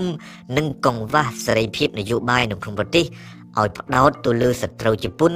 ជាជាងទៅលើរដ្ឋាភិបាលទីក្រុងប៉េកាំងម្យ៉ាងទៀតថ្នាក់ដឹកនាំចិនមិនព្រមឲ្យជប៉ុនដែលជាបច្ចុប្បន្នមហាអំណាចសេដ្ឋកិច្ច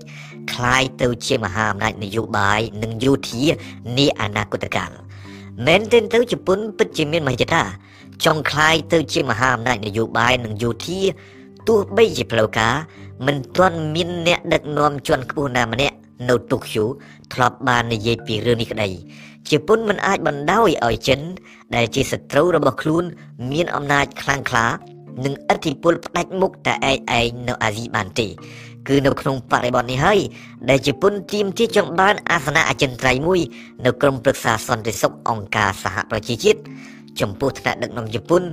ការបង្កើនអំណាចនយោបាយនិងយោធារបស់ប្រទេសខ្លួន ជាកត្តាមួយចាំបាច់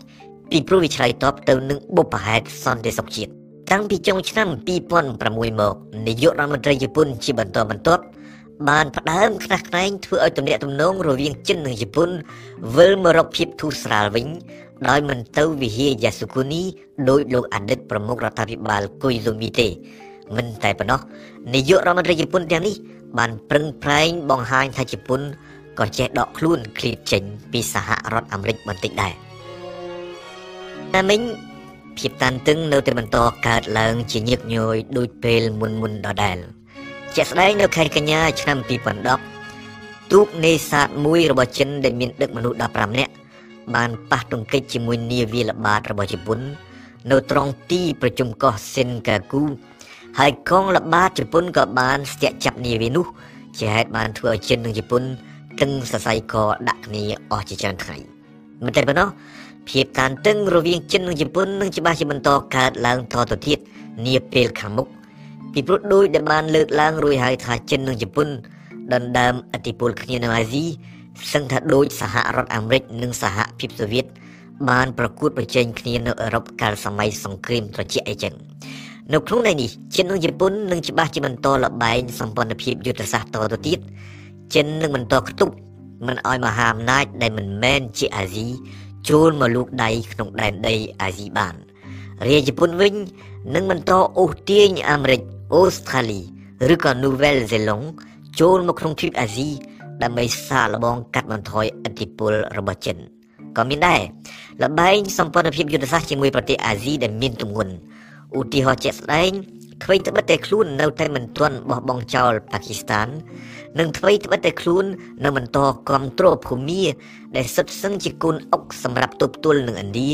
ថ្នាក់ដឹកនាំចិនបានចាប់ផ្ដើមចែកចៅថ្នាក់ដឹកនាំឥណ្ឌាពីព្រោះប្រមាណឆ្នាំចុងក្រោយនេះជប៉ុនក៏ដូចសហរដ្ឋអាមេរិកបានពង្រឹងទំនាក់ទំនងជាមួយមហាយៈអាស៊ីខាងត្បូងមួយនេះ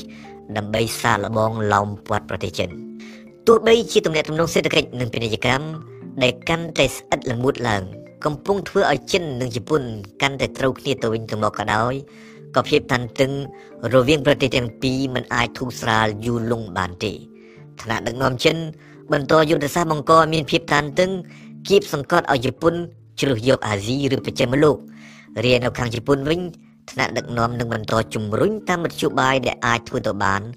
ឲ្យចិនធ្វើកំណែតម្រង់នយោបាយឲ្យចិនជ្រើសរើសយកលទ្ធិប្រជាធិបតេយ្យពីព្រោះចង់ឬមិនចង់ទំនាក់ទំនងរវាងចិននិងជប៉ុនអាចនឹងស្គាល់ប្រក្រតីភាពទៅបានលុះត្រាតែចិនคล้ายជាប្រទេសប្រជាធិបតេយ្យនេះហើយជាលក្ខខណ្ឌតែមួយគត់ដែលអាចធ្វើឲ្យជប៉ុនទុកចិត្តប្រទេសចិនបានចំពោះថ្នាក់ដឹកនាំចិន អូសទាញតៃវ៉ាន់មកដាក់នៅក្រោមការគ្រប់គ្រងរបស់ខ្លួនជាការមួយចាំបាច់បំផុត ពីព្រោះចិននឹងមិនអាចមានឈ្មោះជាមហាអំណាចតំបន់ឬជាមហាអំណាចពិភពលោកពិតប្រាកដបានទេប្រសិនបើនៅតែមានដូចអញ្ចឹងតទៅទៀតចិនដេកូកនិងចិនតៃវ៉ាន់ចិនកុម្មុយនីសនិងចិនប្រជាធិបតេយ្យនៅលើឆាកអន្តរជាតិវត្តមាននៃប្រទេសចិន2បានផ្ដើមឡើងតាំងពីឆ្នាំ1949មកម្លេះ កាលនោះកងទ័ពអ្នកជាតិនិយមចិនដែលដឹកនាំដោយឈិងកៃចិចបានច្បាំងចាញ់កងកម្លាំងកុម្មុយនីសរបស់ម៉ៅសេទុងហើយបានមកប្រកាសបង្កើតសាធារណរដ្ឋចិននៅលើកោះតៃវ៉ាន់រាម៉ៅសេទុងវិញបានប្រកាសបង្កើតសាធារណរដ្ឋប្រជាមានិតចិននៅឆ្នាំ1949នោះដែរក្រោយមកចិនដេកូកបែរទៅខាងពិភពកុម្មុយនីស ចំណែកតៃវ៉ាន់វិញចុះចូលជាមួយលោកសេរីជាហេតុធ្វើឲ្យដែនដីទាំងពីរឃ្លាតជិញឆ្ងាយពីគ្នា និងប្រឆាំងគ្នា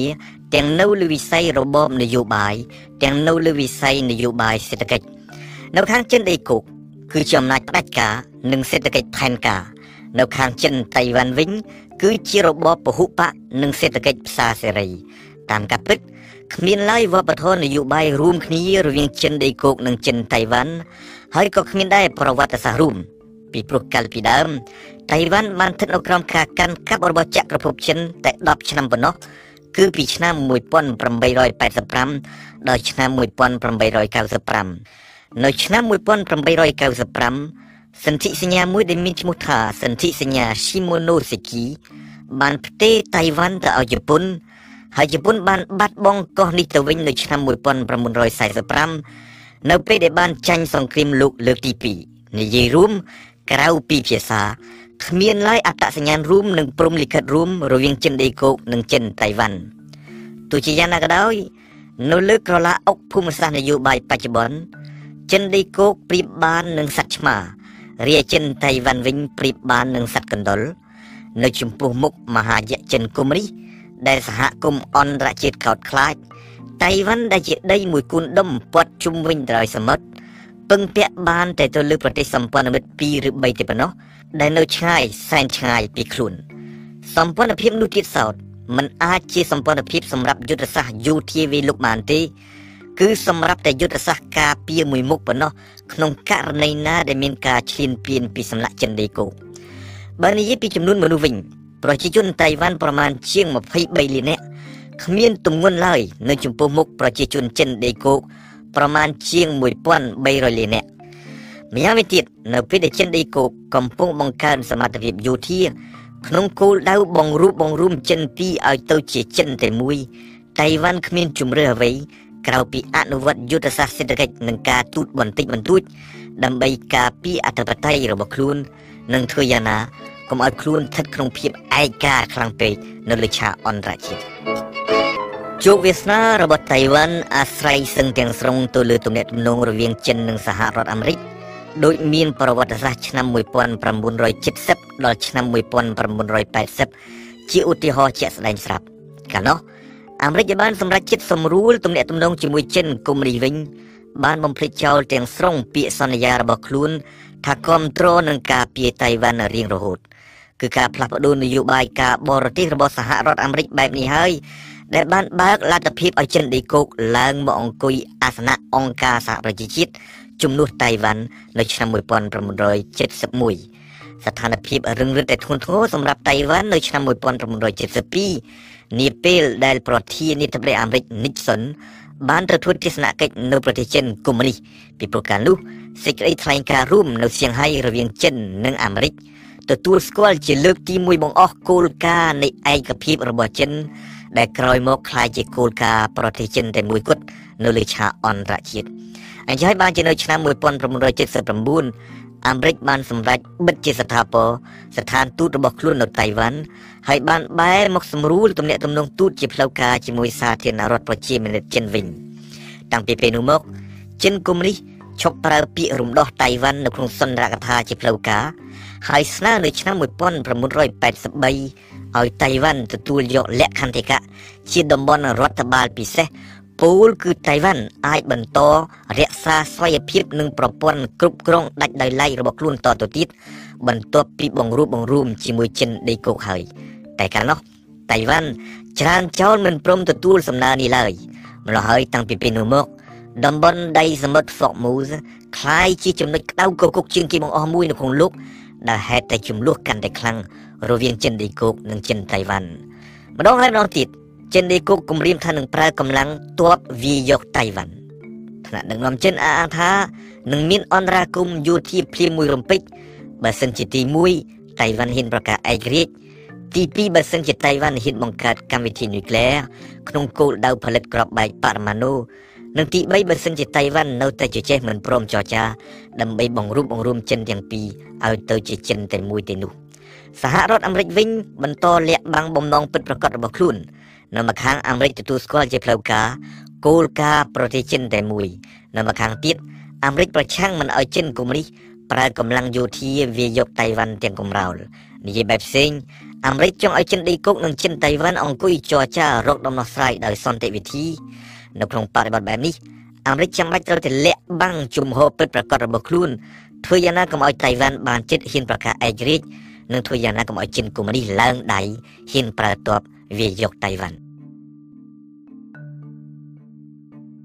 ឆ្នាំចុងក្រោយនេះតំបន់ដីសមុទ្រហ្វូមូសជាចំណុចក្តៅគគុកជាងគេបង្អស់មួយនៅក្នុងលោកមូលហេតុគឺមកពីចិនចង់អូសទាញតៃវ៉ាន់ បើដាក់នៅក្រោមការគ្រប់គ្រងរបស់ខ្លួនឲ្យទាល់តែបានគួរកាត់សម្គាល់ថានយោបាយសន្តិសុខរបស់ចិនពូពេញទៅដោយបរិវេណកម្មនៅម្ខាងថ្នាក់ដឹកនាំចិនគ្រប់គ្រងការអភិវឌ្ឍយូឡុងប្រកាសថាខ្លួនរក្សាសន្តិភាពនិងរួបរวมគ្នាជាមួយប្រជាជនលោកដើម្បីប្រឆាំងនឹងភេរវកម្មនៅម្ខាងទៀតថ្នាក់ដឹកនាំចិនត្រៀមខ្លួនវាយកតៃវ៉ាន់ក្នុងករណីណាដែលតៃវ៉ាន់ហ៊ានប្រកាសឯករាជ្យ និងត្រៀមខ្លួនប្រយុទ្ធទប់ទល់នឹងសហរដ្ឋអាមេរិកនៅក្នុងតំបន់ដៃសមុទ្រ Formuz ក្នុងករណីណាដែលសង្គ្រាមផ្ទុះឡើងមែនទោះជាយ៉ាងណាក៏ដោយតាំងពីឆ្នាំ1996មកចិនបង្កើនឡើងជាលំដាប់កញ្ចប់ថវិកាយោធារបស់ខ្លួន ជាក់ស្ដែងសប្តាហ៍នេះចិនក្លាយជាប្រទេសទី2នៅក្នុងលោកដែលចាយប្រាក់ច្រើនជាងគេនៅលើវិស័យយោធា គឺរាប់ម៉ឺនលានដុល្លារក្នុងមួយឆ្នាំមួយឆ្នាំ ទោះជាថវិកាការពារជាតិរបស់ចិន នៅមានចំនួន6ដងតិចជាងថវិកាការពារជាតិរបស់អាមេរិកក៏ដោយចិនកំពុងកែប្រែទ្រង់ទ្រាយនៃកងកម្លាំងរបស់ខ្លួនឲ្យទំនើបជាងមុនឲ្យមមមុនជាងមុន នៅលើជើងអាកាសសមត្ថភាពយោធារបស់ចិនកើនរហ័សគួរឲ្យស្ញប់ស្ញែងស្ដែងឡើងតាមរយៈការបាញ់សាកល្បងកំទេចផ្កាយរណបមួយរបស់ខ្លួនដែលស្ថិតនៅក្នុងលំហអាកាស ចម្ងាយប្រមាណ800គីឡូម៉ែត្រពីភពផែនដី នៅខែមករាឆ្នាំ2007និងតាមរយៈការផលិតយន្តហោះប្រដេញដែលប្រព័ន្ធរ៉ាដាមិនអាចចាប់បាននៅឆ្នាំ2011នៅលើជើងទឹកវិញចិនបាននឹងកំពុងបន្តបង្កើនវត្តមានព្រមទាំងសកម្មភាពនៅលើផ្ទៃនៃបណ្ដាសមុទ្រជិតនិងជុំវិញប្រទេសខ្លួនចិនមាននាវាមួយទឹកដែលបំពាក់ទៅដោយមីស៊ីលនុយក្លេអ៊ែរ ហើយនាពេលឆាប់ឆាប់ខាងមុខចិននឹងមាននាវាផ្ទុកយន្តហោះទៀតផងនិយាយបែបផ្សេងដោយដែលរបាយការណ៍មួយរបស់មន្ទីរបញ្ញកោណអាមេរិកបានគូបញ្ជាក់កាលពីចុងឆ្នាំ2010អញ្ចឹងចិនមានមហិច្ឆតាពង្រីកដែនអំណាចនិងដែនប្រមាញ់របស់ខ្លួនទៅឲ្យកាន់តែឆ្ងាយក្នុងផ្ទៃសមុទ្រទាំងអម្បាលម៉ាននៅប៉ែកខាងត្បូងនៅប៉ែកអាគ្នេយ៍និងនៅប៉ែកខាងកើតនៃប្រទេសទាំងអស់នេះមិនមែនបានន័យថាចិនកំពុងលបងប្រកួតប្រជែងសភាវុធជាមួយអាមេរិកនោះទេ តាមពិតទៅចិនគ្រាន់តែមានមហិច្ឆតាចង់ក្លាយជាមហាអំណាចយោធាទី1នៅអាស៊ីដើម្បីមានទឹកមាត់ប្រៃក្នុងការអនុវត្តនយោបាយនិងការទូតរបស់ខ្លួននៅក្នុងតំបន់តែប៉ុណ្ណោះគោលដៅធំរបស់ចិន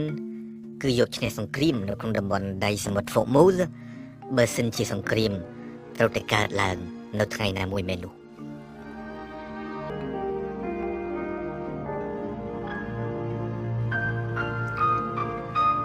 គួរនិយាយថាពីឆ្នាំ2000មកដល់ឆ្នាំ2008ក្រមអាណត្តិគ្រប់គ្រងរដ្ឋរបស់ប្រធានាធិបតីទីមទីឯករាជ្យនិយមឈិនស៊ុយបៀនតៃវ៉ាន់ចេះតែបង្ករឿងចង់ឲ្យគេទទួលស្គាល់ឯករាជ្យរបស់ខ្លួន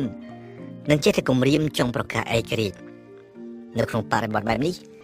ចិនគ្មានជំរឿអ្វីផ្សេងក្រៅពីកំញើញតៃវ៉ាន់ដែលបានដំឡើងកំជួចមីស៊ីលជិត1000ដើមបែរក្បាលតម្រង់ទៅលើកោះតៃវ៉ាន់ ជាច្រើនលើកច្រើនសារចិនដីគោកដែលខឹងក្រេបក្រោតខ្លាំងបានទាំងគម្រាមថានឹងធ្វើអន្តរាគមយោធាវាសង្គ្រប់យកកោះតៃវ៉ាន់ទៀតផងផ្ទុយទៅវិញប៉ុន្មានឆ្នាំចុងក្រោយនេះជាមួយការឡើងធ្វើជាប្រធានាធិបតីតៃវ៉ាន់របស់លោកម៉ាជីនជូដែលចេញពីគណៈបកគូមីនតុងផ្ទាំងទឹកកកដែលជារនាំងនៅចន្លោះចិនទាំងពីរបាននឹងកំពុងបន្តរលាយក្រោមភាពកក់ក្ដៅស្និទ្ធស្នាលខ្លាំងឡើងជាលំដាប់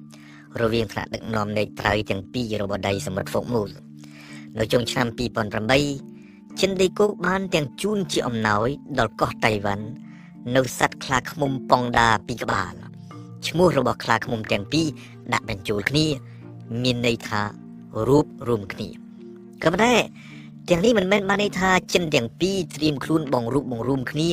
ឲ្យទៅជាចិនតែមួយនោះទេ ទម្រាំទៅដល់គោលដៅចុងក្រោយនេះផ្លូវដែលត្រូវដើរនៅវែងឆ្ងាយណាស់ការពិតទំនាក់ទំនងដ៏ល្អក្នុងគ្រាបច្ចុប្បន្នរវាងត្រូវទាំងពីរនៃដៃសមុទ្រ Formose បង្កប់ទៅដោយពុទ្ធបុត្ររៀងរៀងខ្លួនក្នុងខណៈនេះចិនដីគោកដែលបារម្ភខ្លាចតៃវ៉ាន់ប្រកាសឯករាជ្យគ្មានប្រាថ្នាចង់បានអ្វីក្រៅពីការរក្សា statu quo តៃវ៉ាន់វិញ ដែលកំពុងហែលឆ្លងកាត់វិបត្តិសេដ្ឋកិច្ចត្រូវការចិនដីគោកលើសពេលណាណាទាំងអស់ អ្វីដែលទាំងសងខាងចង់បានពីពេលនេះទៅ គឺការរងាប់ភាពតានតឹងទីក្រុងប៉េកាំងនឹងថាក្រោមការគ្រប់គ្រងរបស់លោក Ma Ying-jeou លទ្ធភាពនៃការប្រកាសឯករាជ្យពីសំណាក់តៃវ៉ាន់មានកម្រិតទូចជាងសម័យដែលលោកឈិនស៊ូបៀនប្រធានាធិបតីទីមទីឯករាជ្យនិយមជាអ្នកដឹកនាំប្រទេសទីក្រុងប៉េកាំងជឿជាក់ថាតាមរយៈការបង្កើនទំនាក់ទំនងសេដ្ឋកិច្ចនិងពាណិជ្ជកម្មជាមួយទីក្រុងតៃប៉េ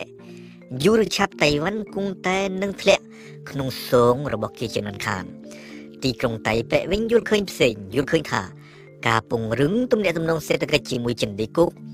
ដោយមិននិយាយប៉ះពាល់សោះឡើយដល់បញ្ហាអធិបតេយ្យរបស់តៃវ៉ាន់នឹងធ្វើឲ្យចំណេញតៃវ៉ាន់យ៉ាងណាក៏ដោយភាពតានតឹងគង់តែកើនឡើងវិញនៅថ្ងៃណាមួយមិនខានឡើយជួបកុំភ្លេចថា ចំពោះថ្នាក់ដឹកនាំប៉េកាំង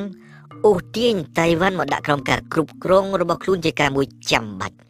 ពីប្រចិននឹងមិនអាចមានឈ្មោះជាមហាអំណាចតំបន់ឬជាមហាអំណាចពិភពលោកពិតប្រាកដបានទេប្រសិនបើនៅតែមានអញ្ចឹងតទៅទៀតចិនដីគោកនិងចិនតៃវ៉ាន់ចិនកុម្មុយនីសនិងចិនប្រជាធិបតេយ្យនៅលើឆាកអន្តរជាតិរាចំពោះថ្នាក់ដឹកនាំតៃប៉ែវិញអធិបតេយ្យ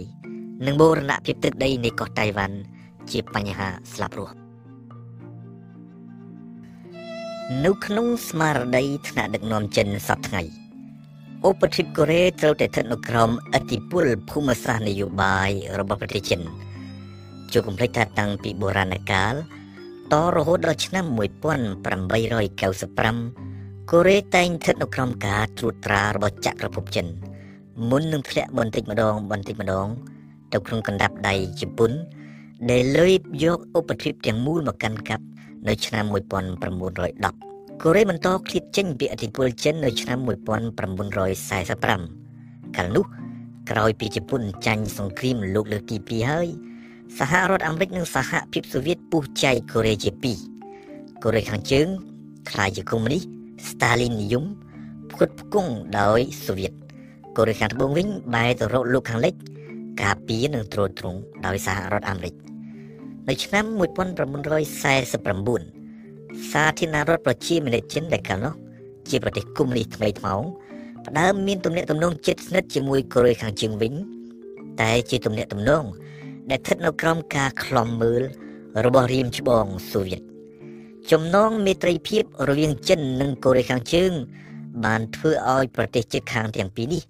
សឹងคล้ายជាបងប្អូនឈាមជ័រតែមួយជាពិសេសនៅសម័យសង្គ្រាមកូរ៉េ ឆ្នាំ1950 1953កាលនោះកងទ័ពចិននិងកងទ័ពកូរ៉េខាងជើងគៀកស្មើគ្នាប្រយុទ្ធទប់ទល់នឹងកងកម្លាំងអន្តរជាតិដឹកមុខដោយអាមេរិកដែលមកជួយកូរ៉េខាងត្បូងសប្តាហ៍នេះជាពិសេសតាំងពីសហភាពសូវៀតបានរលត់រលាយនិងសង្គ្រាមត្រជាក់បានចប់បាត់ទៅចិនមានអធិបុលខ្លាំងទៅលើកូរ៉េខាងជើងមូលហេតុទី1គឺមកពីកូរ៉េខាងជើងដែលលែងទទួលបានជំនួយពីមូស្គូ តាំងពីឆ្នាំ1991មកធ្លាក់ខ្លួនក្រហើយពឹងពាក់សឹងទាំងស្រុងទៅលើចិននៅលើវិស័យសេដ្ឋកិច្ចមូលហេតុទី2គឺមកពីនៅក្នុងវិបត្តិ nuclear លើកទី1នៅឆ្នាំ1994និងលើកទី2តាំងពីឆ្នាំ2002មកកូរ៉េខាងជើងដែលត្រូវសហគមន៍អន្តរជាតិជាពិសេសអាមេរិកស្ដីបន្ទោសអាចពឹងផ្អែកទៅលើតែប្រទេសចិនមួយគត់ដើម្បីចេញរួចពីភាពឯកានៅលើឆាកអន្តរជាតិ ពីទសវត្សទី90មកទល់សប្តាហ៍ថ្នាក់ដឹកនាំចិនយកចិត្តទុកដាក់ខ្លាំងទៅលើឧបទ្វីបកូរ៉េ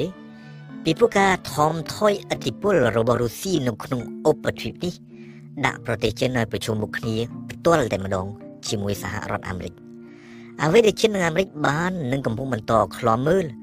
គឺទំនាក់ទំនងល្អជាងកាលសម័យសង្គ្រាមត្រជាក់រវាងកូរ៉េខាងជើងនិងកូរ៉េខាងត្បូងនៅឆ្នាំ1991 កូរ៉េទាំងពីរបានចុះហត្ថលេខាទទួលកិច្ចព្រមព្រៀងជាមូលដ្ឋានមួយ ស្ដីពីការមិនឈ្លានពានគ្នាទៅវិញទៅមក ស្ដីពីការបង្កើតឡើង នៅទូរស័ព្ទក្រហមមួយដើម្បីឲ្យថ្នាក់ដឹកនាំប្រទេសទាំងពីរអាចទូរស័ព្ទតាក់ទងគ្នាបានពេលមានភាពអាសន្នកើតឡើងការសម្រួលទំនាក់ទំនងរវាងកូរ៉េទាំងពីរបានបោះមួយជំហានធំទៅមុខនៅឆ្នាំ2000នៅឱកាសជំនុំកំពូលជាប្រវត្តិសាស្ត្រ រវាងប្រធានាធិបតីកូរ៉េខាងត្បូងគីមដេយុងនិងអគ្គមគ្គទេសកូរ៉េខាងជើងគីមយុងអ៊ីលក៏ប៉ុន្តែក្រោយមកកូរ៉េទាំងពីរមើលមុខគ្នាមិនចំជាថ្មីដោយហេតុតែកម្មវិធីនុយក្លេអ៊ែររបស់កូរ៉េខាងជើងហើយអ្វីបានជាចិននិងអាមេរិកយកចិត្តទុកដាក់ខ្លាំងម្ល៉េះទៅលើកិច្ចសន្ទនារវាងកូរ៉េទាំងពីរការពិតទាំងចិនទាំងអាមេរិកបារម្ភក្រែងនៅទីបំផុតកូរ៉េទាំងពីរបងរូបបងរួមគ្នាឲ្យទៅជាប្រទេសតែមួយវិញ ក្តីបារម្ភតែមួយដូចគ្នាប៉ុន្តែមូលហេតុពីរខុសគ្នាចំពោះអាមេរិកបើសិនជាកូរ៉េទាំងពីរคล้ายជាប្រទេសតែមួយវិញនោះបញ្ហានៃវត្តមានទាហានអាមេរិក70000នាក់នៅកូរ៉េខាងត្បូងនិងនៅជប៉ុននឹងចោតឡើង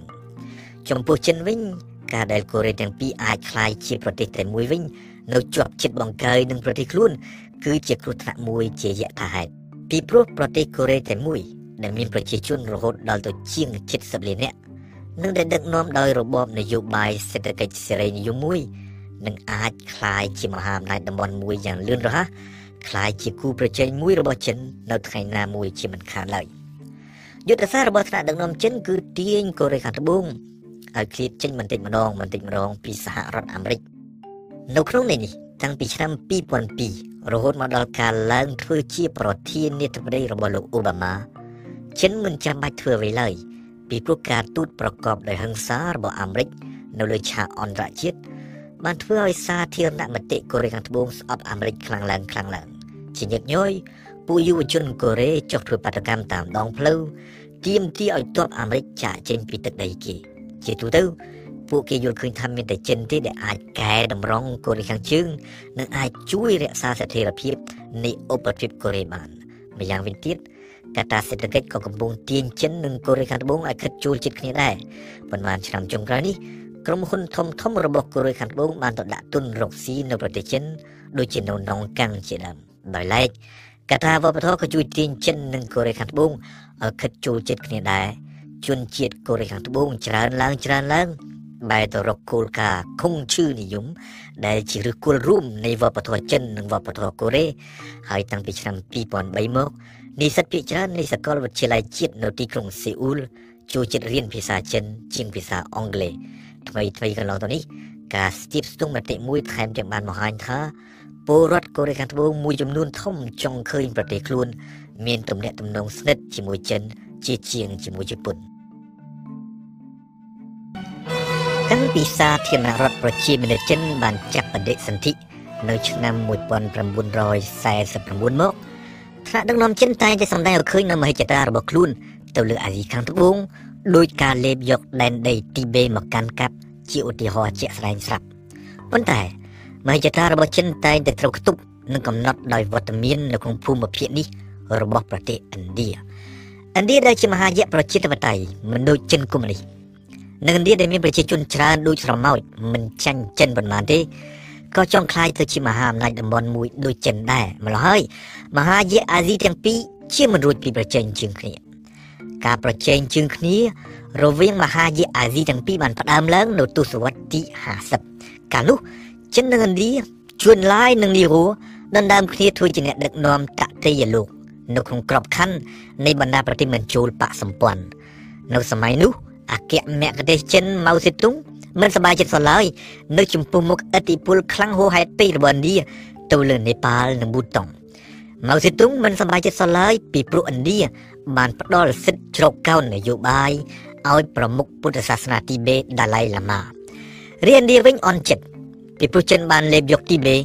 ពីព្រោះចិនបានឈ្លានពានយកតំបន់អាក់សៃឈីននៅប៉ែកអេសាននៃកា ಶ್ មៀរភាពរកម្មរកុសទាំងអស់នេះ បានបង្កឲ្យមានសង្គ្រាមរវាងប្រទេសទាំងពីរនៅឆ្នាំ1962សង្គ្រាមនេះបានបំពុលទំនាក់ទំនងរវាងចិននិងឥណ្ឌាអស់ជាច្រើនឆ្នាំនិងធ្វើប្រទេសទាំងពីរលែងទុកចិត្តគ្នារហូតមកទល់សប្តាហ៍ថ្ងៃសង្គ្រាមនៅឆ្នាំ1962ក៏បានញ៉ាំងឲ្យចិនមានគំនិតឡោមព័ទ្ធឥណ្ឌាដែរនៅក្នុងនេះចិនបានយកចិត្តបង់ក្លាដេសស្រីលង្កានិងភូមាបានផ្ដល់ជំនួយយោធានិងសេដ្ឋកិច្ចដល់បណ្ដាប្រទេសទាំងនេះដូចគ្នាចឹងដែរ នៅក្នុងសង្គ្រាមរវាងឥណ្ឌានិងប៉ាគីស្ថាន លើកទី1នៅឆ្នាំ1962និងលើកទី2នៅឆ្នាំ1971ចិនកាន់ជើងនិងជួយប៉ាគីស្ថានគំនិតនិងនយោបាយឡំពត់បែបនេះរបស់ចិន បានបង្ខំថ្នាក់ដឹកនាំឥណ្ឌាឲ្យចាយថវិកាជាតិទៅលើតែវិស័យយោធាដោយមិនសូវបានគិតគូរដល់ការអភិវឌ្ឍប្រទេសអស់រយៈពេលជាច្រើនឆ្នាំ គឺប្រហែលជាការភ័យព្រួយនៅចំពោះមុខប្រទេសចិននេះហើយដែលបានជំរុញថ្នាក់ដឹកនាំឥណ្ឌាឲ្យខ្នះខ្នែងបង្កើតក្របបែកបរមាណុនៅឆ្នាំ1974ប៉ុន្មានឆ្នាំប៉ុណ្ណោះក្រោយពីចិនបានក្លាយជាមហាអំណាចបរមាណុឥណ្ឌាបានបំផ្ទុះសារលបងក្របបែកបរមាណុជាលើកទី1បង្អស់របស់គេប៉ុន្តែ24ឆ្នាំក្រោយមកគឺនៅឆ្នាំ1998ទើបឥណ្ឌាដាច់ចិត្តប្រកាសប្រាប់ពិភពលោក ឲ្យដឹងជាផ្លូវការថាខ្លួនមានអាវុធនុយក្លេអ៊ែរគឺនៅឆ្នាំ1998នោះហើយដែលឥណ្ឌាចាប់ផ្ដើមហ៊ានវាយរឹតដាក់ចិនដោយបានប្រកាសយ៉ាងចំហថាសត្រូវធំរបស់ឥណ្ឌាគឺចិនមិនមែនប៉ាគីស្ថានទេក៏ដូចគ្នាចឹងដែរនៅឆ្នាំ2001នាឱកាសទស្សនកិច្ចនៅទីក្រុង New Delhi របស់លីពេងដែលជានាយករដ្ឋមន្ត្រីចិនសម័យនោះ ប្រមុខរដ្ឋាភិបាលឥណ្ឌាបានហ៊ានរហូតដល់ឲ្យលោកលីពេងអង្គុយចាំជួបលោកជាហេតុហៀបនឹងបណ្ដាលឲ្យពុទ្ធហេតុទូតកើតឡើងទៀតផងលើពីនេះទៅទៀតនៅថ្ងៃដែលលីពេងចេញដំណើរត្រឡប់ទៅចិនវិញ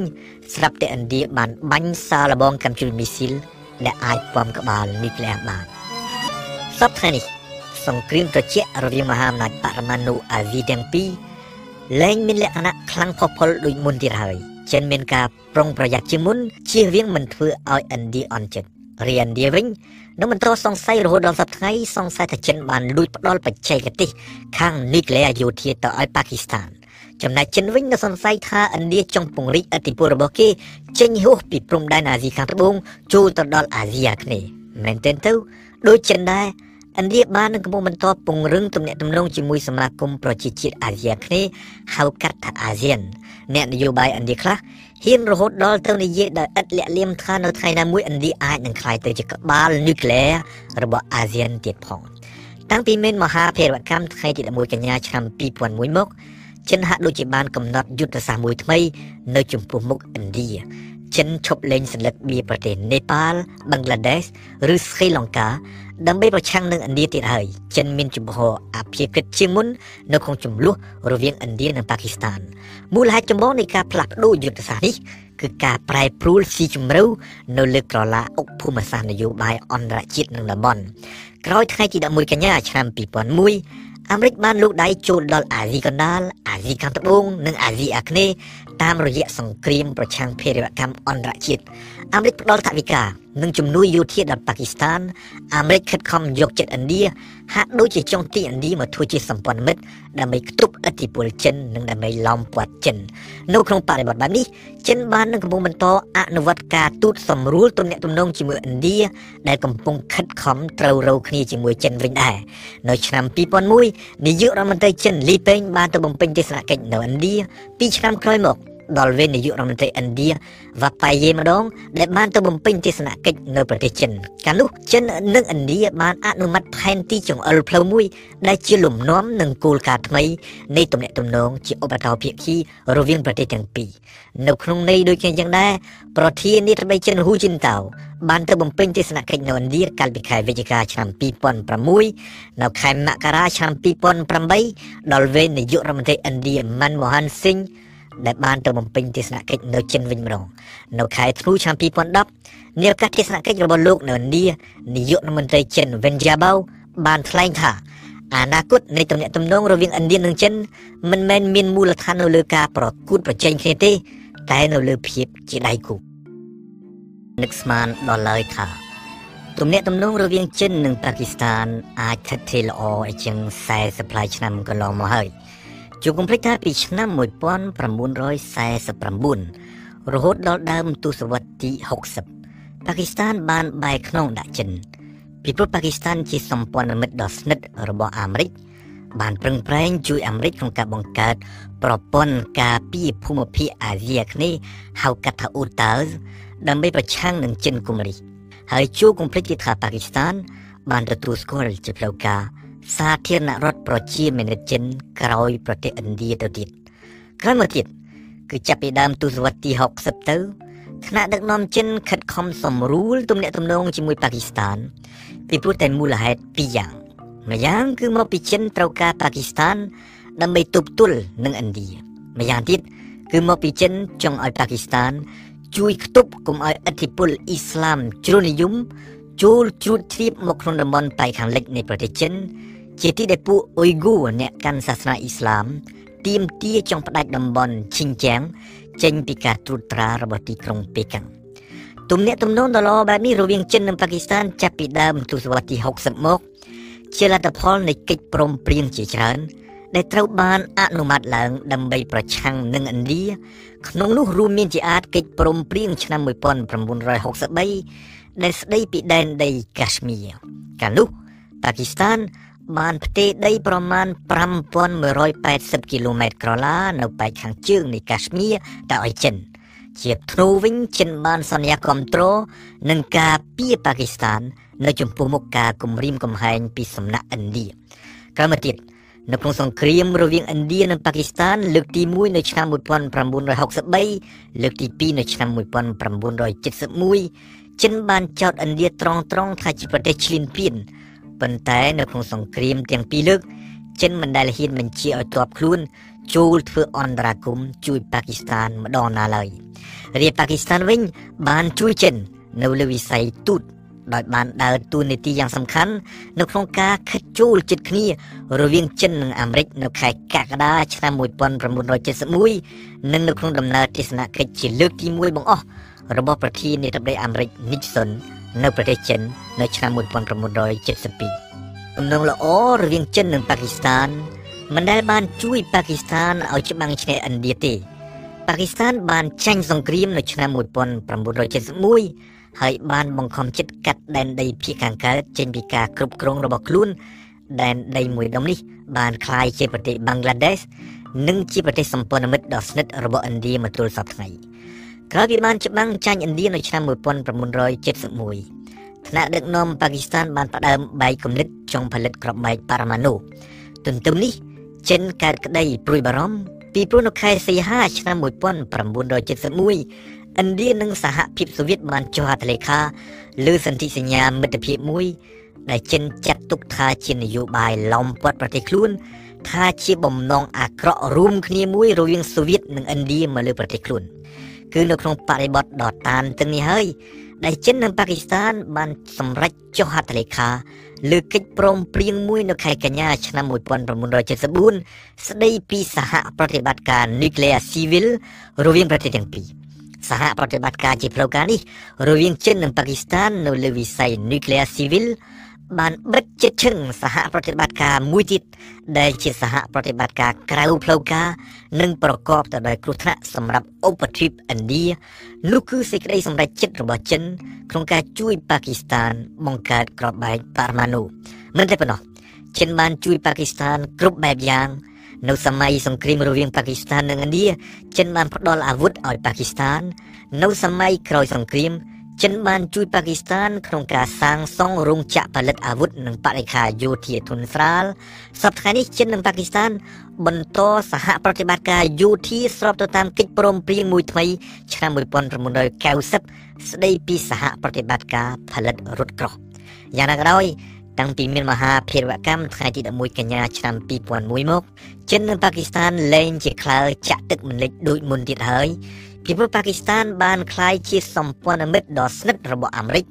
នៅក្នុងសង្គ្រាមប្រឆាំងភារវកម្មអន្តរជាតិអាមេរិកបានចំណាយប្រាក់អស់ប្រហែល20,000លានដុល្លារទៅលើប៉ាគីស្ថាន ពីឆ្នាំ2002ដល់ឆ្នាំ2011ពីព្រោះអាមេរិកត្រូវការជាចាំបាច់កិច្ចសហការពីប៉ាគីស្ថាន ដែលនៅគៀកជាប់នឹងប្រទេសអាហ្វហ្គានីស្ថាននៅក្នុងបរិបទបែបនេះចិនគ្មានមធ្យោបាយនៅលទ្ធភាពខាត់កុំឲ្យប៉ាគីស្ថានបោះដៃទៅរកអាមេរិកបានទេ ទន្ទឹមនេះ ពេលណាមានឱកាសចិនតែងតែសម្ដែងឲ្យឃើញថាខ្លួននៅតែជាមិត្តដ៏ស្និទ្ធជាងគេរបស់ប៉ាគីស្ថាន ជាក់ស្ដែងក្រោយពីកងកម្លាំងដូអាមេរិកបានជួលទៅសម្លាប់ Bin Laden ដល់ក្នុងទឹកដីប៉ាគីស្ថាននៅខែឧសភាឆ្នាំ2011និងនៅពេលដែលប្រជាជនលោកជាពិសេសអាមេរិកខ្លួនឯងចោទទីក្រុងអ៊ីស្លាមាបាតថាលួចមានទំនាក់ទំនងជាមួយពួកអាល់កៃដានិងពួកតាលីបង់ ចិនបែរជាប្រាសាស្រទន់បោះដៃទៅរកដៃគូចាស់របស់ខ្លួននៅក្នុងន័យដូចគ្នាចឹងដែរចិនបានទទួលយ៉ាងរាក់ទាក់ជាទីបំផុតលោកនាយករដ្ឋមន្ត្រីប៉ាគីស្ថានហ្គីឡានីនាឱកាសទស្សនកិច្ចរបស់លោកនៅទីក្រុងប៉េកាំងក្នុងខែឧសភាឆ្នាំ2011